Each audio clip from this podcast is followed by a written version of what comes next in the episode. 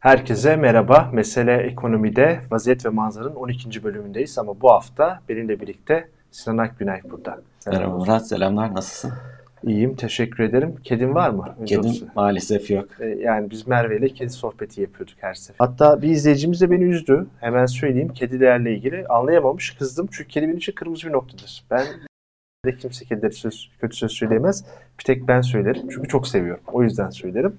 Her neyse e, şunu da hemen vurgulamış olalım. Kedisiz bir hayat düşünemez. Eğer kediniz yoksa hiçbir zaman çok mutlu olamazsınız. Bunu da izleyicilerimize belirtmiş olalım. Ben de bunu dikkate alacağım. İstersen günlerine başlayalım. başlayalım. İzleyicilerimizden gelen ilk soru asgari ücretle ilgili. Dün Cumhurbaşkanı Erdoğan 2023 yılı için asgari ücretin 8506 lira olduğunu açıkladı.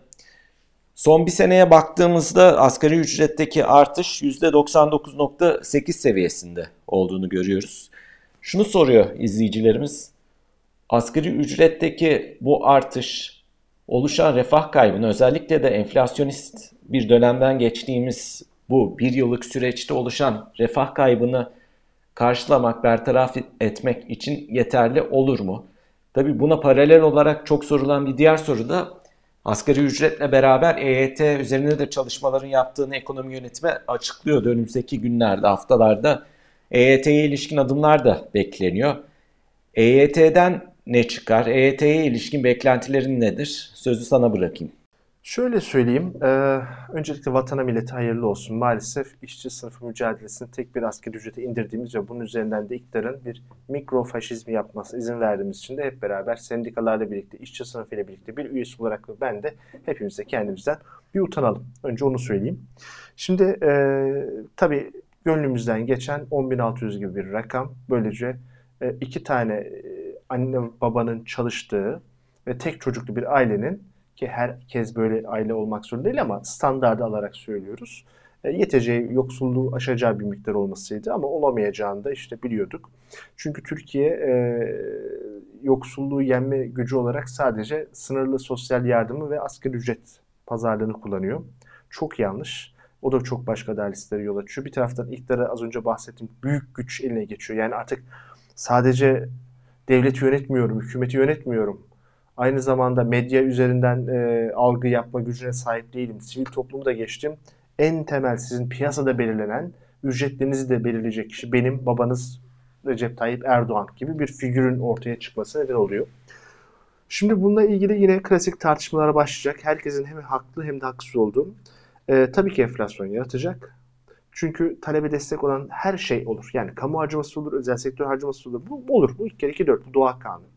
Ama bu enflasyon hayırlı mı hayırsız mı enflasyon mu ona bakacağız. Yani eğer buradaki gelirler toplumun düşük gelir listesine giriyorsa e, güzel bir refah yaratım. Ama ikinci bir fonksiyon daha var. ikinci bir faktör daha var. O da ne derece kalıcı olacak? İşte Türkiye maalesef geçtiğimiz yıl benim burada çok bağırıp çağırıp söylediğim şeylerde enflasyon sarmala girmeseydi bunlar refaha doğrudan yansıyacaktı. Şimdi ise önümüzdeki süreçte tekrarlanacak olan enflasyon döngüsü içerisinde kalacak. Refah tabii ki artacak. 6 aylık mı artar, kaç ayda gider bilmiyoruz. Çünkü enflasyon hesaplamaları dair de çok soru işareti var ama benim üzüldüğüm ki birkaç hafta evvelki yayında da bunu söylemiştik.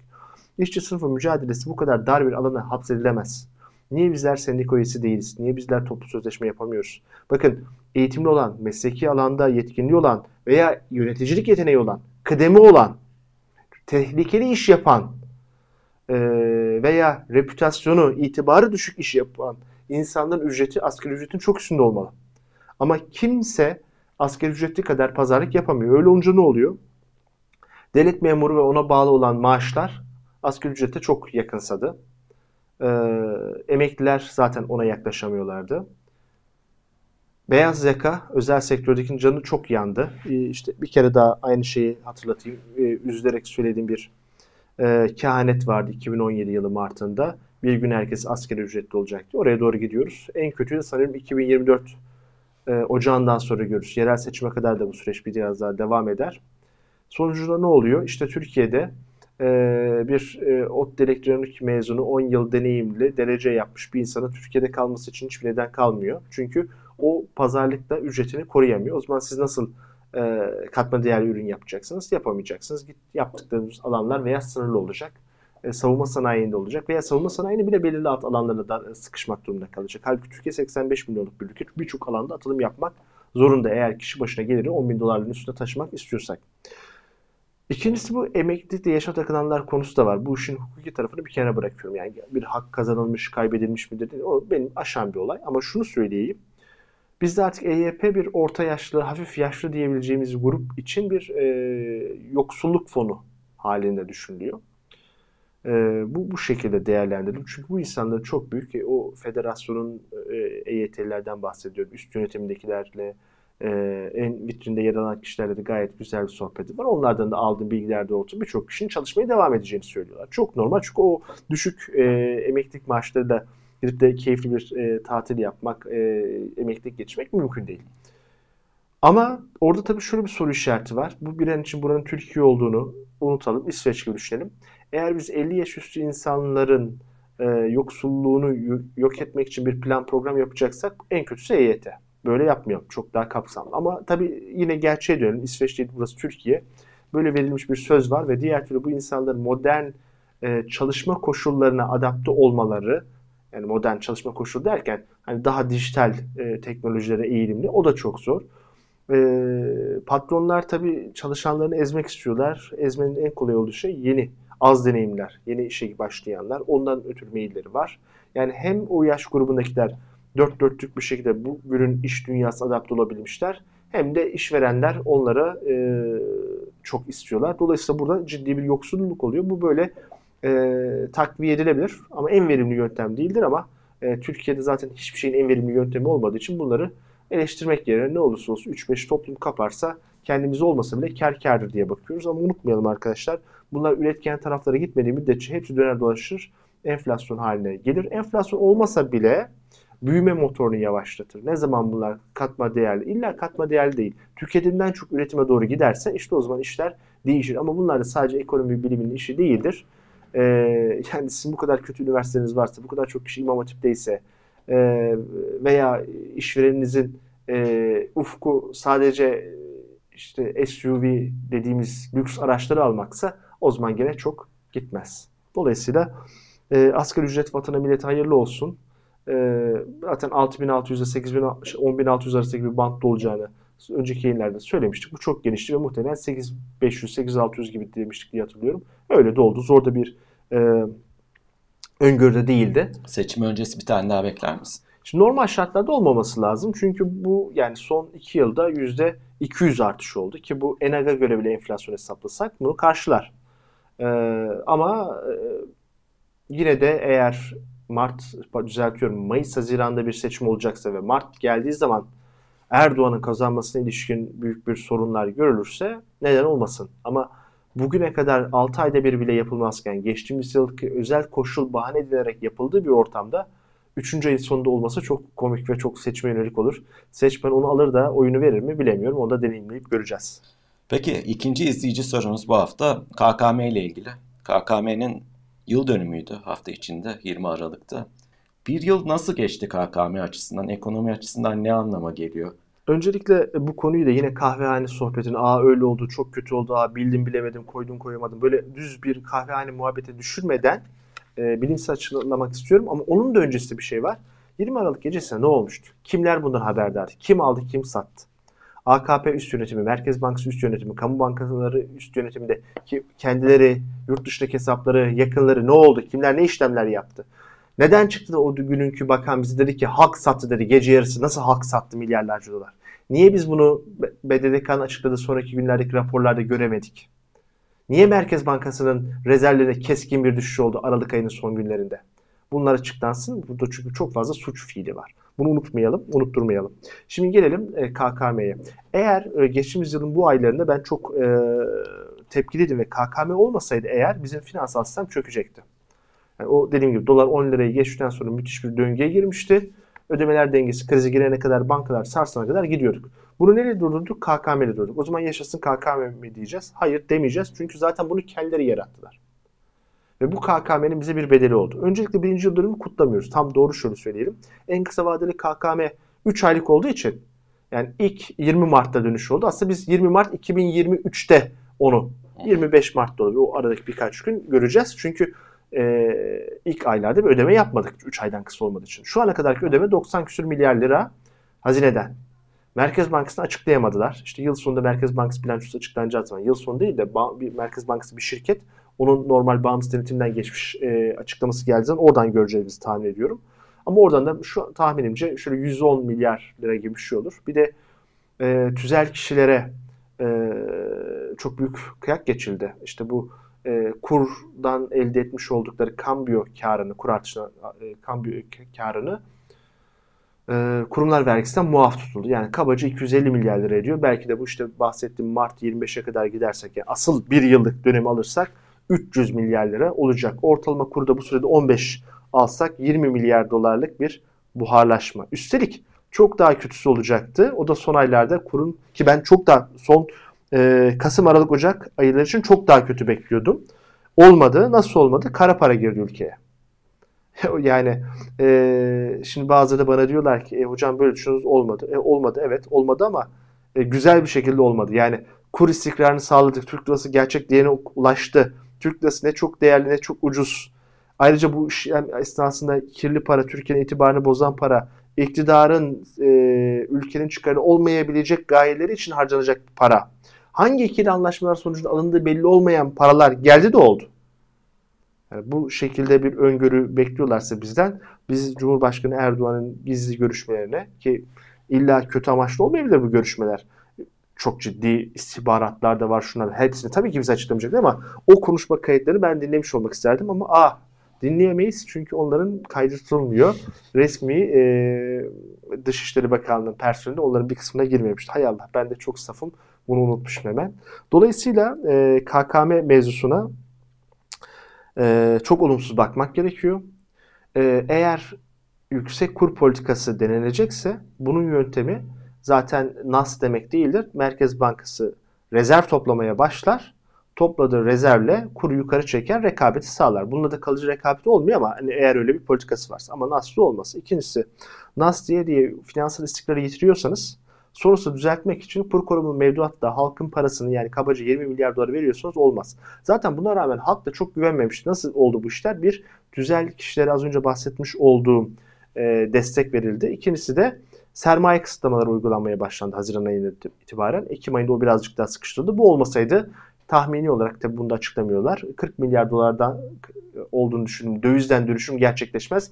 Merkez Bankası rezervlerine bu katılmaz. Ama en sonunda biz bunun nereye vardığını üzülerek göreceğiz. Niye göreceğiz? Çünkü Türkiye hala cari açık veriyor. Türkiye'nin cari açık vermesinin engelleyecek bir yöntem var. Çok kötü bir yöntem kısa vadede. Yoksullaştırmak.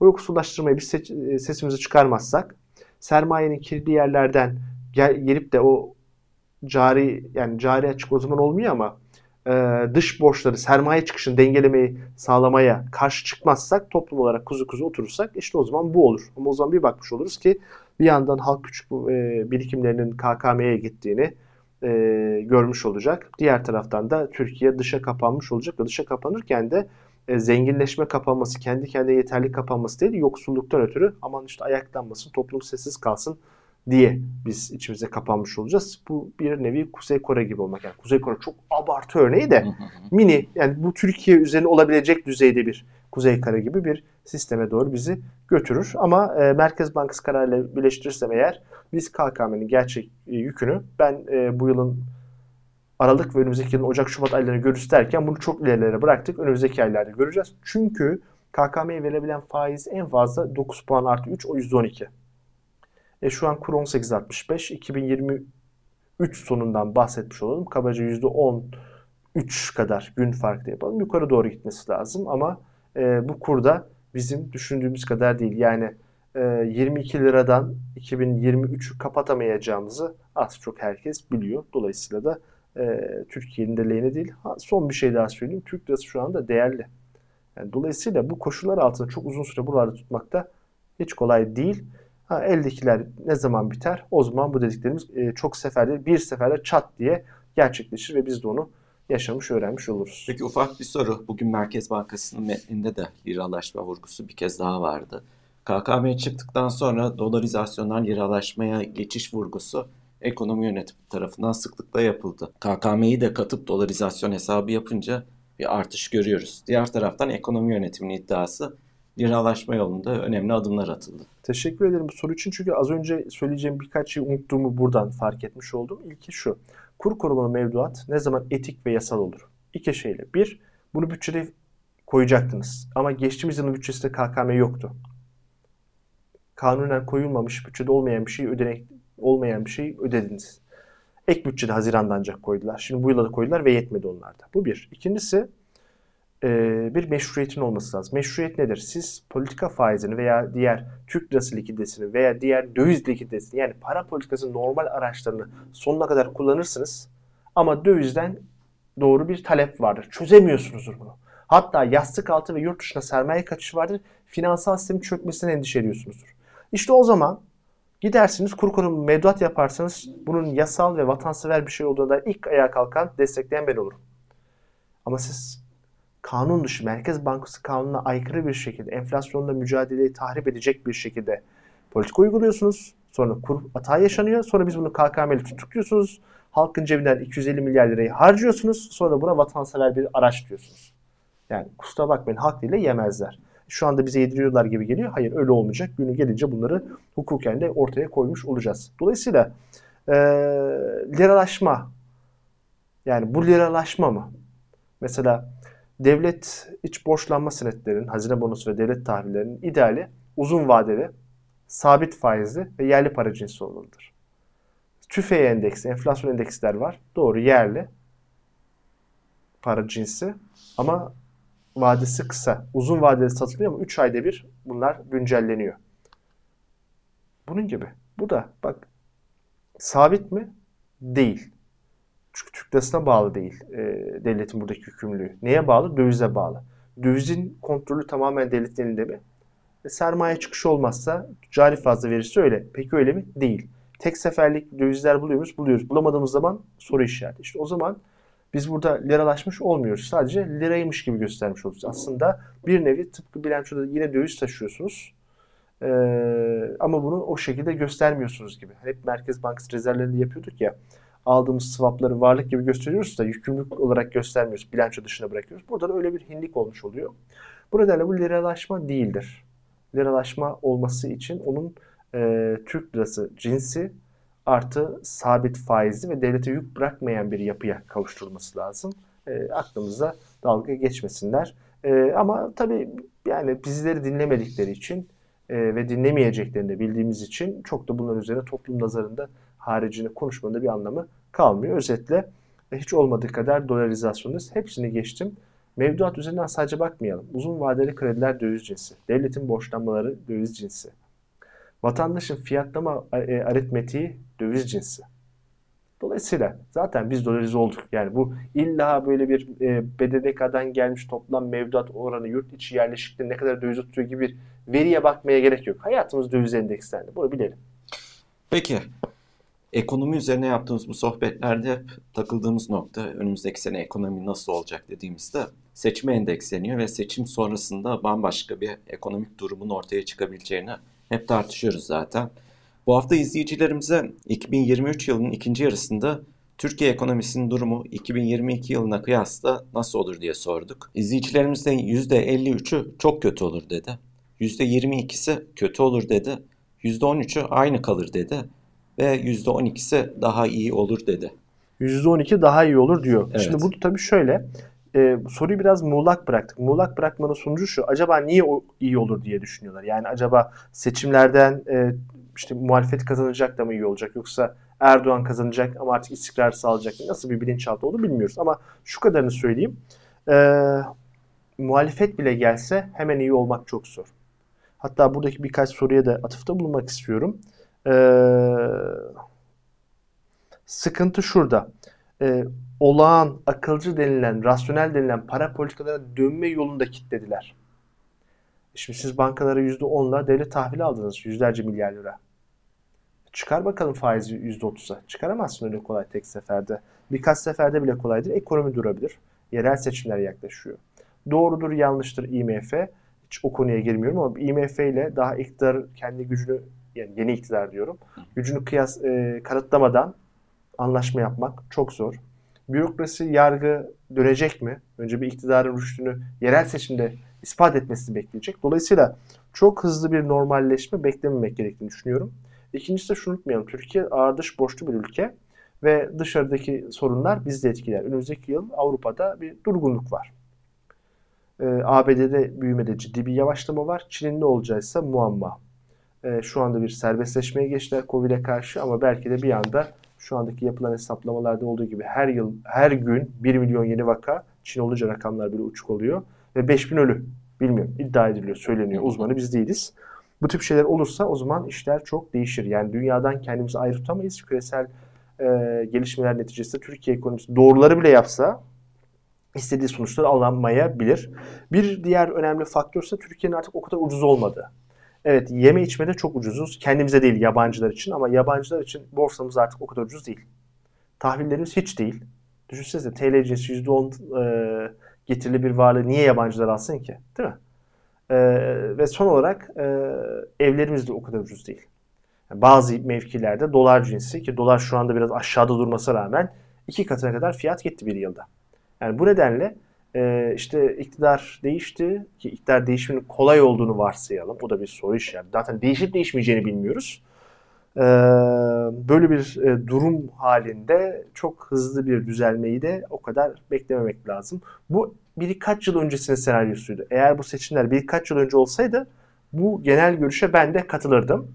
Ama katılamıyorum. O yüzden de üzülerek izleyicilerin çok kötü olur sözlerine paylaşıyorum.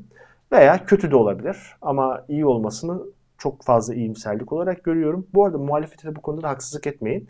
Yani kim olsa bunu düzeltebilecek bir durum olmayacak. Onu da eklemiş olayım. Ha bir de ihtimal var. Ya iktidar değişmezse.